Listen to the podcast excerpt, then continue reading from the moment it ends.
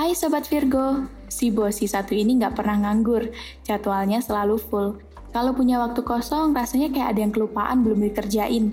Tapi jangan lupain kesehatan diri ya Sobat Virgo, mulailah mengonsumsi buah-buahan dan sayur-sayuran, secara rutin pastinya, dan pastikan asupanmu adalah sesuatu yang alami.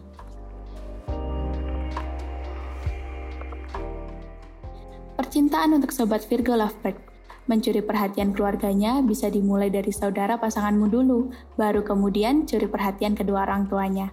Jika sudah berhasil mendapatkan perhatian dan kepercayaan keluarganya, berusahalah sebaik mungkin untuk tidak merusaknya.